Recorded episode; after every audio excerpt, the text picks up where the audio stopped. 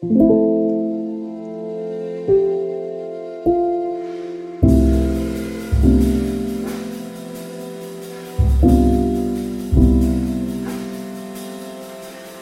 det att prata om allt? Är det till och med nödvändigt? Det här är en podcast som utforskar påståendet att hälsosamma relationer börjar med att våga säga som det är. Följ med in i en sårbart stark värld av både tårar och skratt. Varmt välkommen till Pingst Relationer.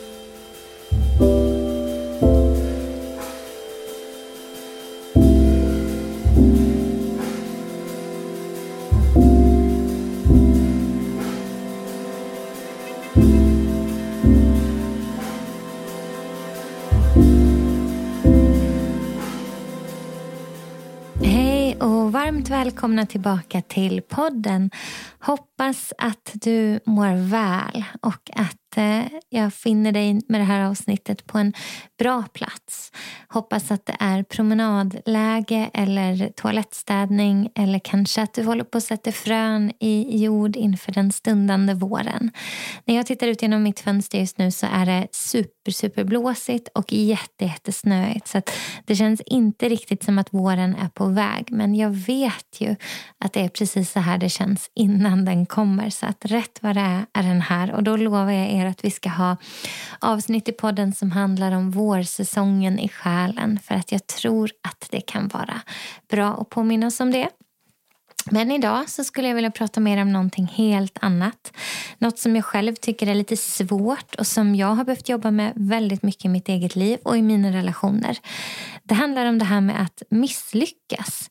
Att ge kritik, ta kritik, att bråka och reda ut saker på ett bra sätt. Ni vet att här i podden så har vi pratat mycket om gränser och gränsdragningar, att veta vem man är, vad man har med sig i ryggsäcken, att förstå sitt varför. Alla de här bitarna som handlar om självreflektion och självförståelse, hur det har med våra relationer att göra.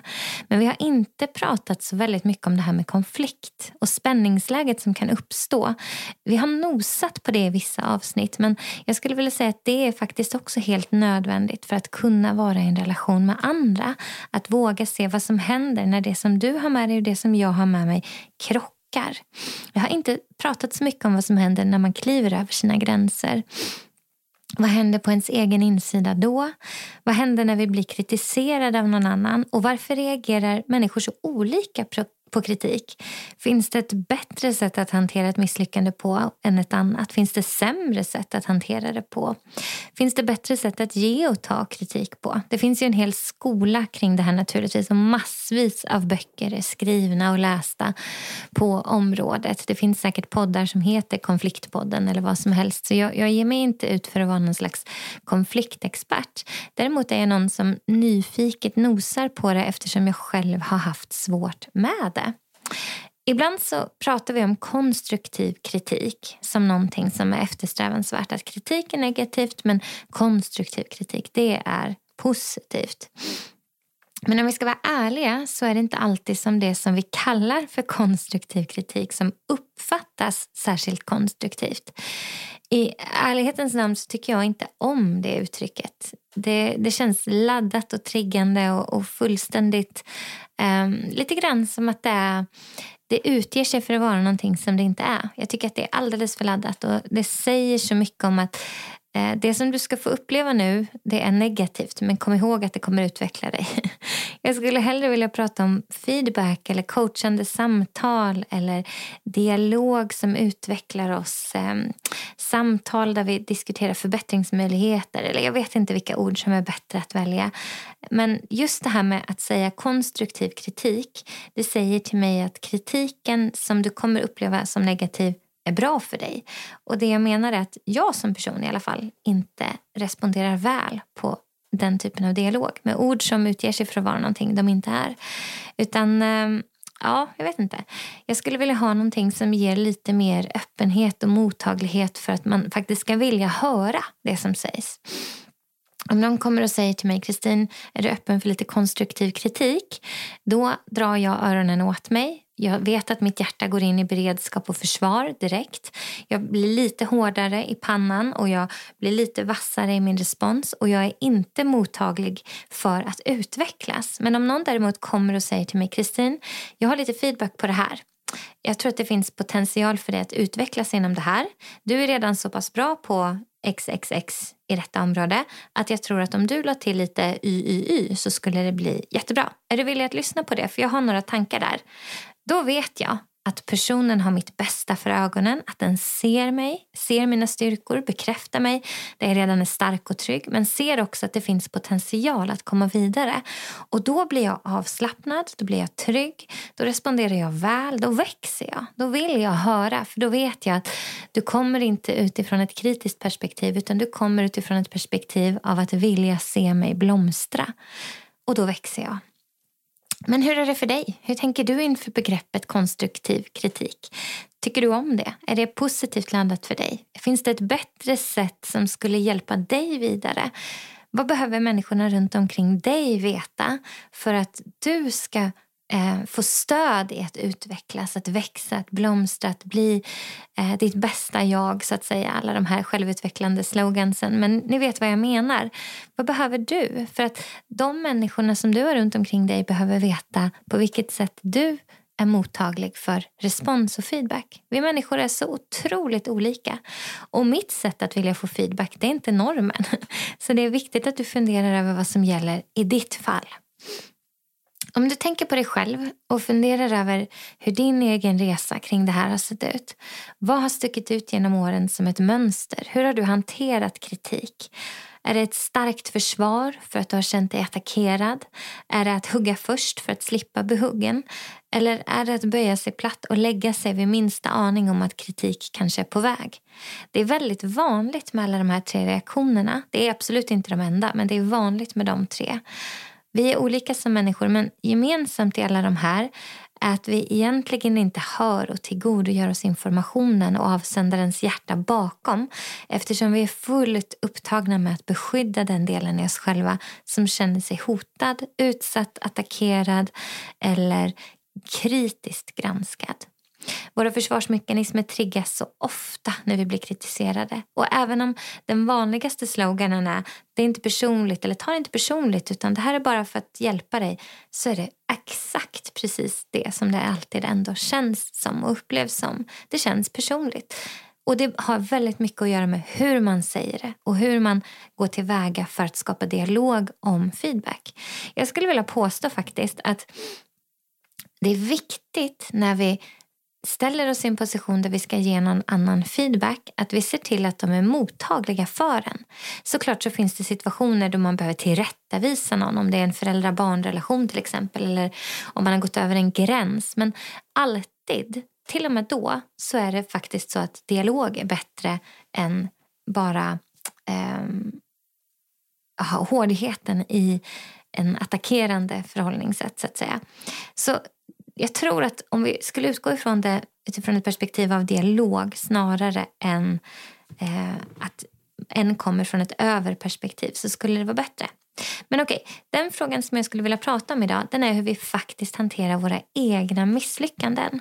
När det faktiskt är så att vi själva har gått över en gräns, begått ett misstag, missat något vi skulle gjort eller fattat ett beslut som helt enkelt inte blev bra.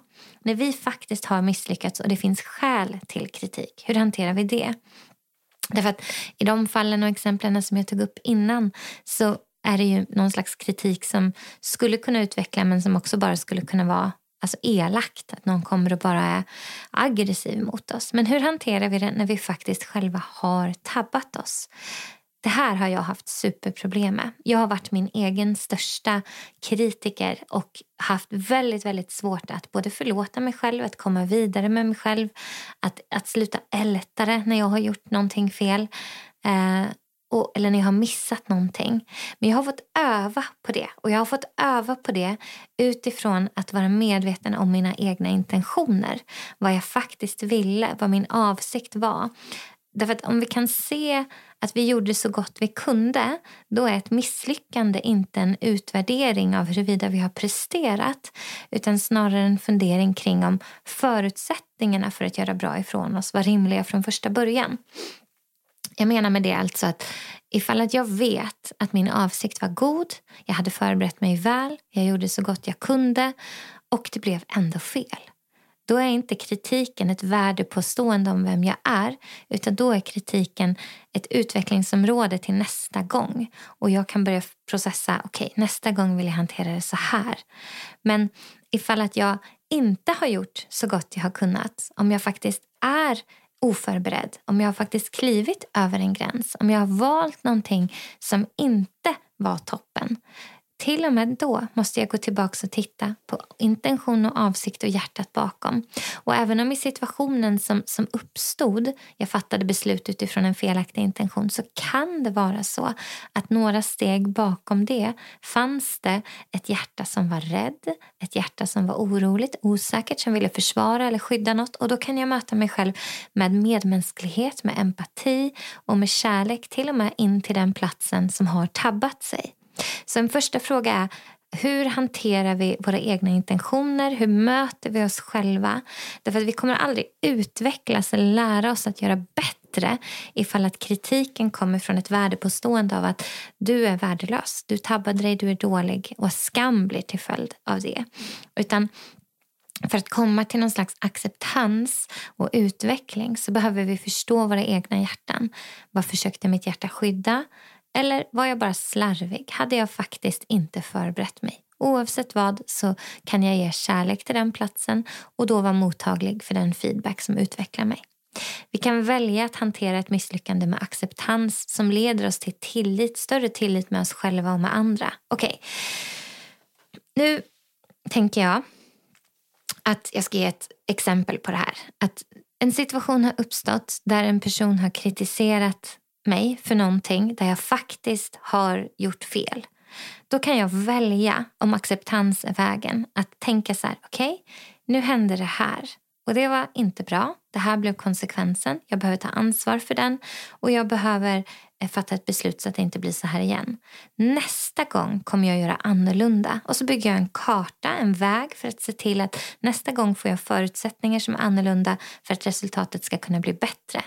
Då accepterar jag misslyckandet men jag accepterar inte att inte utvecklas. Förstår ni vad jag menar? Att acceptansen handlar om att resultatet blev så här men nästa gång kommer jag göra så här. Vi kan också välja vägen som eh, ofta handlar om humor eller att med någon slags positiv omtolkning av situationen hantera den. Det vill säga, vi berättar en historia för oss själva eller den andra som avdramatiserar misslyckandet. Att det där var inte så farligt, alla gör vi misstag och jag minns en annan gång då. Eller ja, det var ju tur att det i alla fall inte var... Alltså vi drar upp historier eller vi eh, på något sätt eh, förstärker en annan historias misslyckande som, för att sätta det i kontrast till det här. Ett tillfälle som var mycket värre eller ett annat tillfälle men som inte känns i närtid dramatiskt för oss där vi kan skoja till det om det. Och då blir det inte lika dramatiskt och då avväpnar det situationen kring misslyckandet och så känns det lite lättare både för mig och den jag pratar med. Problemet med humor som ett försvar är att vi ganska ofta gömmer oss bakom humorn och sen inte faktiskt kommer till acceptansen där vi tar ansvar för att utveckla oss. Därför att det är viktigt att vi förstår att acceptans det är ett mer hälsosamt sätt att hantera misslyckanden på än humor.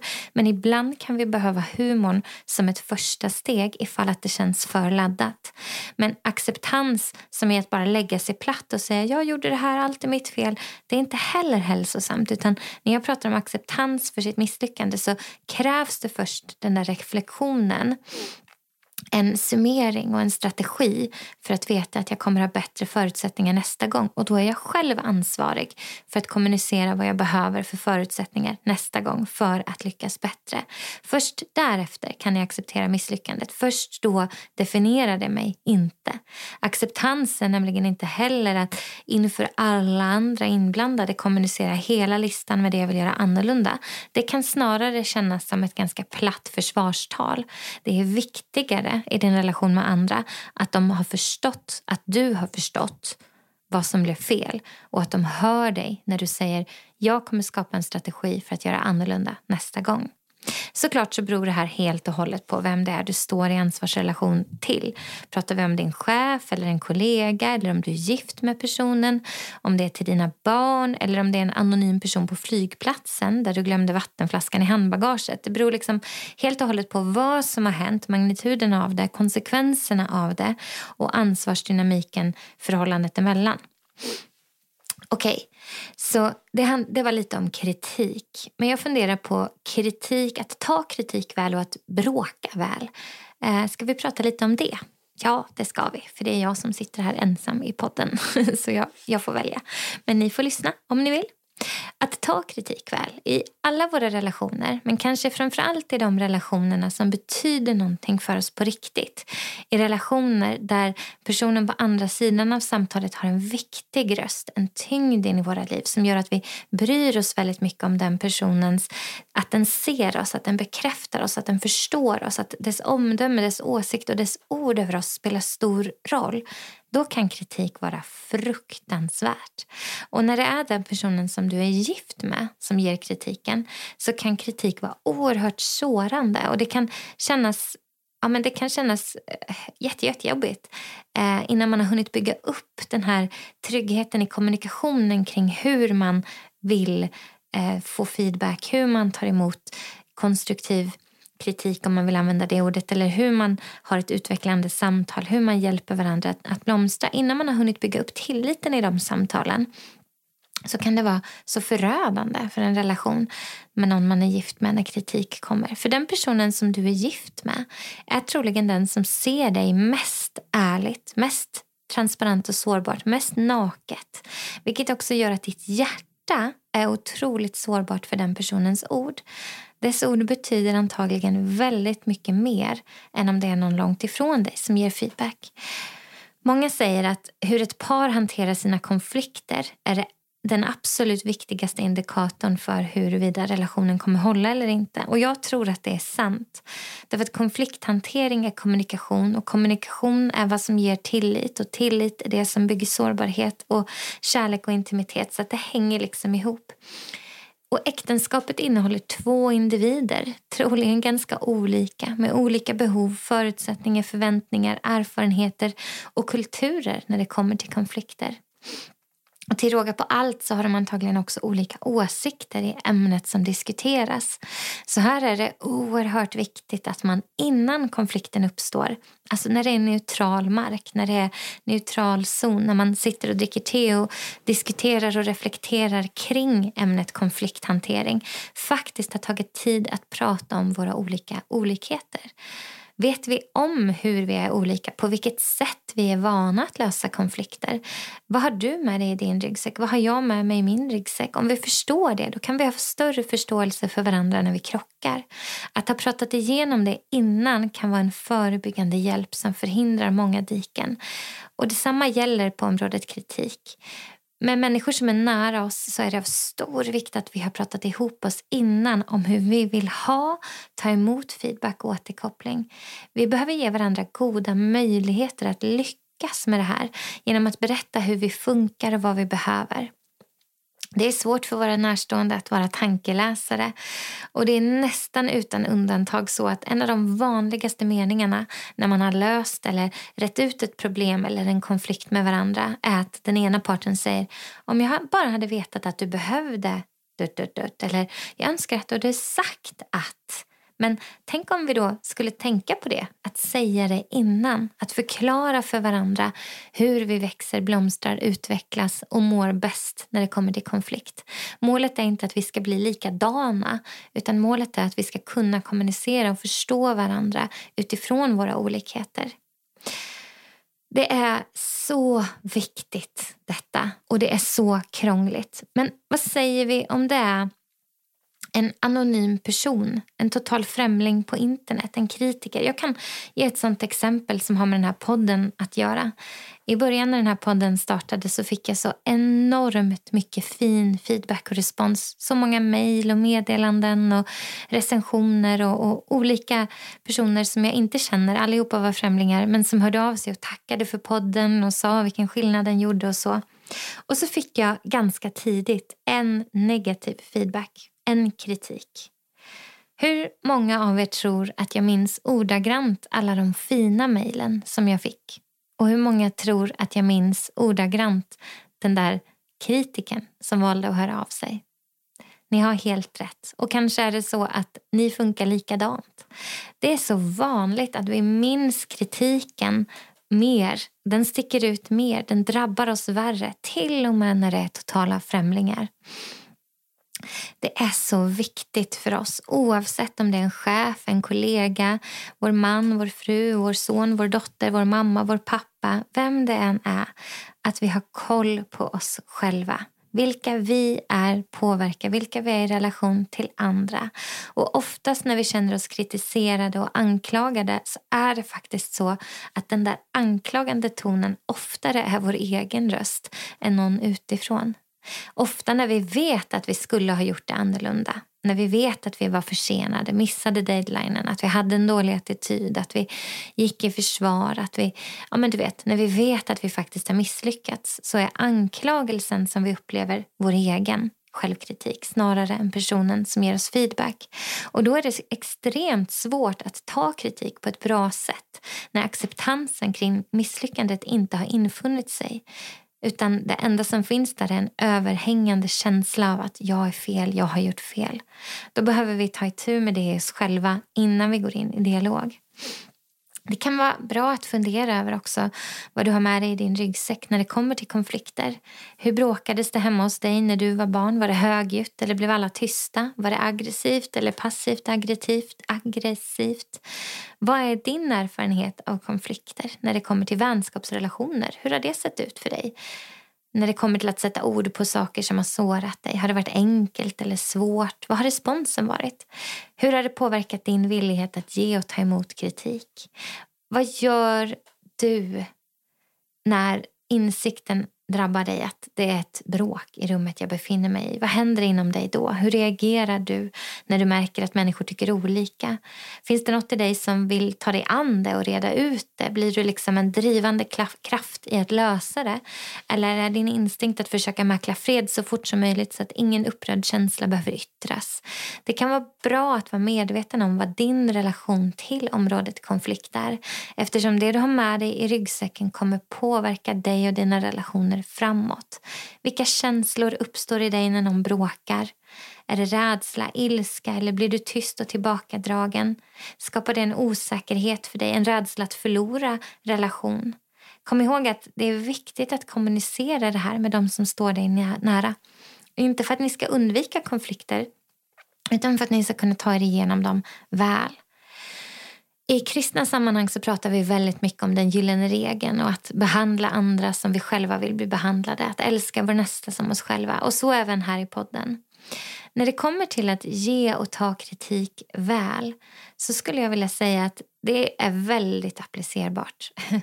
Hur man vill bli bemött när man har tabbat sig. Hur man vill bli bemött när man har misslyckats. Hur man vill bli feedbackad, om man kan säga så, när någonting kräver feedback det avgör ofta hur man bör ge den till andra. Och Här är det såklart väldigt olika beroende på vem man är. Men jag tror att de allra flesta av oss inte skulle säga att hur vi vill um, liksom hur vi vill ta oss an feedback är att jag tycker om att bli hårt kritiserad och anklagad och ifrågasatt.